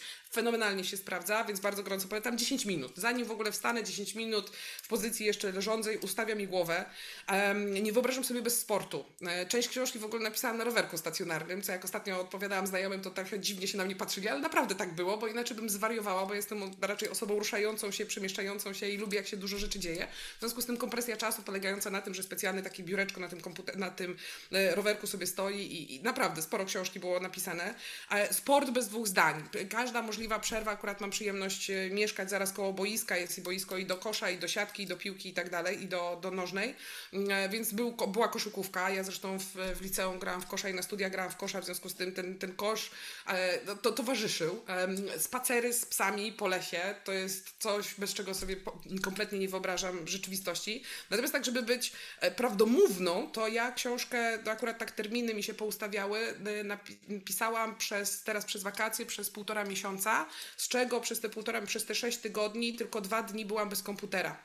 I wiem, że bez, bez otwierania komputera. Pozostałe dni były cały czas z paskiem e, postępów i, i, rzeczywiście w takim rygorze pisania i żeby nie było, ja nie z tych, która jest tak po prostu wewnętrznie bardzo mocno zmotywowana, bo szlak mnie trafiał naprawdę wielokrotnie. Komputer miałam ochotę wyrzucić przez okno z jakieś milion pięćset, sto dziewięćset razy ale poddawałam się jeszcze dwa razy więcej. Uważałam, że w ogóle do, do kitu jest to, co piszę, wyrzucałam w tą i z powrotem, w związku z tym, żeby nie było sinusoida i rollercoaster wątpliwości, syndrom oszusta, strach przed porażką, strach przed sukcesem, to wszystko, o czym zresztą piszę w książce, to wszystko to przeszłam. Łącznie z tym, że jak, jak zrobiłam wyślij do wydawnictwa, to mój, mój syndrom oszusta po prostu siadł koło mnie i mówił, serio? Książkę wydasz? Ty? O czym ty takiego wędrego możesz napisać? Naprawdę, mądrzy ludzie piszą książkę. Więc tak sobie siedział i tak do mnie gadał. A ja sobie tak siedziałam i tak go słuchałam, co on do mnie mówił. A zresztą też właśnie to, o tym wszystkim w książce napisałam. I, nie, I teraz wracając do twojego pytania, te mikro wszystkie momenty. Ja, mi się bardzo sprawdza, zresztą też o flow samym piszę 75-minutowe um, sety offline, kiedy nastawiam sobie budzik, że za 75 minut ma do mnie zadzwonić bardzo gorąco w ogóle polecam wszystkim, którzy są w trakcie uczenia się na przykład albo pracy koncepcyjnej. Totalnie offline, z wyłączonym w ogóle w, telefonem w trybie samolotowym, 75, nawet jak nie mam weny twórczej, nawet jak mi się nie chce, to siadam na tyłku i te pierwsze 5 czy 10 minut nawet się fizycznie zmuszam, mogła to mi się przyspawała chyba czasami, rzeczywiście takie, taka była potrzeba, a, po 75 minutach przerwa, koniecznie. Przerwa jest e, procesem w ogóle istotnym w procesie koncepcyjnego myślenia i nauki, ale przerwa polegająca na tym, że wstaję, właśnie wychodzę, szłam, e, szłam grać w kosza, e, szłam na spacer, takie wyjście w ogóle, wyjście od, od tej przestrzeni i znowu, w zależności od tego, jakie mamy możliwości, 10-15 minut może być dłużej i znowu potem taki set 75-minutowy. I to, to, to, jest, to są rzeczy moje. Natomiast wiem, że też różni ludzie też wcześniej o Frisie rozmawialiśmy, różne rzeczy mogą potrzebować, bo, bo znam też osoby, które piszą czy też tworzą, e, to niektórym pomaga reset w postaci znajomych, czy też wyjścia do ludzi. Ja akurat miałam wrażenie, że jestem przestymulowana słowami przez to, że bardzo mocno byłam w książce, więc słowa mówione też nie były tymi, które były e, potrzebne, więc muzyka w moim przypadku bardzo mocno, taniec też, też się pojawiał, więc to były rzeczy, które w moim przypadku się sprawdzały. No a za moment akurat, bo moje dziecko jest w takim trybie funkcjonowania, za moment mamy tak zwany autumn break, czyli będziemy mieli tydzień wolnego i wyjeżdżamy nad morze. Więc morze, góry, las, co komu co, co, co, co kogo uszczęśliwia. Sen, o, sen, koniecznie sen. Ja ze snu nie zrezygnuję, choćby nie wiadomo, co się działo, to akurat y, sen jest ostatnim bastionem nie do zdobycia. Wiem, że musi być, bo, bo parę dni pod rząd, jeżeli człowiek niewyspany jest i podejmuje decyzję, to tak jakby podejmował decyzję pod wpływem alkoholu. Na to są badania i, i dowody, że tak jakbyśmy mieli 1% y, y, alkoholu we krwi, jeden promil. W związku z tym sen jest nam potrzebny, jeżeli chcemy jakoś trzeź, dosłownie trzeźwo myśleć. Więc to są te, te moje rzeczy. Tu Ameryki nie odkryje. Takie po prostu najzwyczajniej w świecie dbanie o siebie i słuchanie siebie. A, i stawanie na głowie mi wychodzi całkiem dobrze, bo w pandemii się trochę tego nauczyłam i od czasu do czasu dosłownie stanąć na głowie też jest warto. Tak trochę świat z innej perspektywy okay. zobaczyć. Okej. Okay. Z jednej strony y, nie odkrywasz Ameryki, ponieważ no to są e, sposoby, o których powszechnie, powszechnie wiemy. Natomiast mnie... A wiesz, czym jest problem, Kacper? My o nich wiemy, tylko one same roboty nie zrobią, trzeba je stosować i trzeba je regularnie stosować. A, jeszcze, przepraszam, jeszcze jedną rzecz muszę też powiedzieć. Prowadzenie dziennika. Zresztą też o tym w książce piszę. Jest coś takiego w ogóle jak terapia przez pisanie, szczególnie jak mamy gorszy nastrój, szczególnie jak nam się naprawdę bardzo mocno, nie wiem, żyć nawet nam się, w sensie ręce nam opadają, bo nie wiem, mamy taki stan w ogóle pogorszonego nastroju, e, to prowadzenie dziennika, zapisywanie tych myśli, tak zwane ekspresywne pisanie jest tym, co pozwala nam wyrzucić z siebie, ale nie mielić, gdybyśmy o tym mówili, tylko wyrzucamy z siebie i czasami jak to przeczytamy, to potem jest, he, to nie jest takie trudne, jak mi się wydawało. Ja tak zdawałam egzaminy, jak sobie właśnie w tych, na, na, tych studiach, co miałam tam po, po 20 egzaminów podczas sesji, jak sobie wszystko wypisałam, co mam tak naprawdę do nauczenia się, to pamiętam ten moment, jak pierwszy raz to zrobiłam, bo w głowie miałam wrażenie, ja cię kręcę, tego jest tak dużo, że nie ogarnę, a jak to spisałam wszystko, zobaczyłam to na kartce, to było ok, jest dużo, ale to ma jakieś ramy, to jest na tej jednej kartce, więc jest realne, możliwe, fizyczne do zrobienia. Więc żebyśmy nie zagubili się też w tym naszym takim procesie nadmyślenia, overthinking, to takie właśnie zapisywanie tego tych, tych naszych myśli naprawdę nam pomaga w tym, żeby wyrzucić siebie, jeżeli jesteśmy w gorszym nastroju. Pod kątem tego uporządkowania ja zrobiłem bardzo podobnie teraz weekend pod kątem mojej obrony pracy magisterskiej i też e, pewne ramy, które pozwoliły mi ustrukturyzować tę wiedzę, którą, e, którą powinienem mieć, mówię na razie, powinienem, powinienem mieć po, po zakończeniu etapu studiów magisterskich. Natomiast e, jeszcze wracając do tematu odpoczynku i relaksu, e, było tutaj wiele rozmów i, i wiele z wieloma osobami mieliśmy okazję rozmawiać. Bardzo się cieszę, że każdy z naszych gości podkreśla, że ten odpoczynek i relaks jest czymś naprawdę ważnym, że pomimo tak ogromu obowiązków, czy to związanych z pracą na uczelni, czy z pracą w biznesie, e, czy tworzeniem kultury, e, jednak ten relaks i odpoczynek jest czymś, co nam, co dzięki, dzięki czemu mm, my stajemy się bardziej efektywni, chociaż na pierwszy rzut oka może się wydawać, że skoro zrobię jeszcze jednego taska, jeszcze jedno zadanie, to to będzie bardziej efektywne. No nie do końca, nie do końca, jednak czasami warto, warto powiedzieć stop, bo organizm też ma swoje też ma swoje jakieś granice wytrzymałości i, i bardzo fajnie, mnie, mnie bardzo cieszy, że każdy z naszych gości podkreśla tę niesamowitą konieczność odpoczynku i relaksu. Trzeba, trzeba. Ja, ja powiem, że ja się tego nauczyłam w bardzo nieprzyjemny sposób, bo 4 lata temu trafiłam do szpitala na akcję ratowania życia, którą sobie zgotowałam przez pracoholizm. Więc naprawdę tąpnęłam y, y, mocno bardzo i, i to, mnie, to mnie obudziło do tego stopnia, że ej, ale nie tędy droga, to, to mi nic nie da. Ten właśnie ten kolejny task, ten kolejny kilometr, to były czasy, kiedy bardzo mocno jeździłam wszędzie, potrafiłam właśnie ze Szczecina pojechać, z rano wyjechać, w Piotrkowie Trybunalskim zrobić szkolenie, wrócić, potem na drugi dzień do Wrocławia i tak cały czas.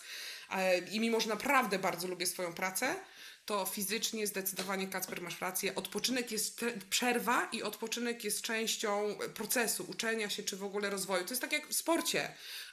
Mało który sportowiec będzie treningi zawodowy, będzie trening, trenował codziennie. Nie trenują też cały dzień. Dzień odpoczynku jest bardzo istotnym elementem, jest elementem składowym procesu treningu. I tak samo potrafi, powinniśmy podejść w ogóle do, do kwestii, nie wiem, życia, rozkładu dnia. Niektórym, nie, nie wszystkim to będzie odpowiadało, ale niektórym mogą drzemki na przykład odpowiadać. Znam takie osoby, które są mega efektywne, tak zwane napuccino, czyli drzemka, w której najpierw się napi- znaczy przed drzemką pijemy cappuccino, Dan Pink o tym fajnie pisze, pijemy cappuccino czy pijemy kawę. E, kawa, zanim zacznie działać kofeina, to tak 20-20 parę minut jest nam potrzebne, ale zaraz po wypiciu kawy kładziemy się spać. Na właśnie to do 20 minut i potem kawa, kofeina nas rozbudza i jesteśmy wyresetowani na nowo, więc czasami to nie musi trwać długo właśnie taki, taki reset, ale jest naprawdę potrzebne. Ważne, żeby każdy znalazł swój swoje rzeczy i rzeczywiście je pielęgnował, nawet jak one są jakieś takie dziwne i wstydliwe, bo ja pamiętam, że tej swojej medytacji albo tego e, dziennika to tak się wstydziłam, to takie ej, to tak, tak nie wiem, tak jakieś może dziwne jest. Na chwilę obecną się, no, nie to, że tam się chwalę jakoś, nie wiadomo jak, ale po prostu najzwyczajniej w świecie to robię. Od trzech lat codziennie rano, poranek wygląda tak samo, ten sam rytuał, e, ustawiło głowę, ustawiło funkcjonowanie i, i, i ustawia dzień. Jasne. E kwestia tego, że, żeby znaleźć swój sposób na relaks, tak samo jak wcześniej powiedziałeś, żeby znaleźć też swoją ścieżkę zawodową, znaleźć swój powód, dla którego się idzie na studia. E, na końcu i tak jest to kwestia indywidualna. Wiadomo, że można korzystać z wielu, z wielu pomocy, z doradztwa, z konsultacji, tak jak na przykład z Tobą. E, natomiast na samym końcu to my podejmujemy tę, e, tę Tak, decyzję. bo każdy z nas jest inny, więc trzeba dopasować do siebie. Do siebie indywidualnie. Dokładnie tak. E, Kamila, ja Ci chciałbym bardzo, ale to bardzo serdecznie podziękować. To była dla mnie ogromna przyjemność. E, Innej rozmowy niż, e, niż mieliśmy do tej pory okazję przeprowadzać, bo to były rozmowy w ramach, w ramach szkoleń. Natomiast bardzo się cieszę, że po pierwsze przyjęłaś moje, nasze zaproszenie do udziału w podcaście i za Ale to w ogóle nie było tematu, to nie było właśnie czy, tylko przecież było pytanie kiedy, Kiedy, nie ma problemu.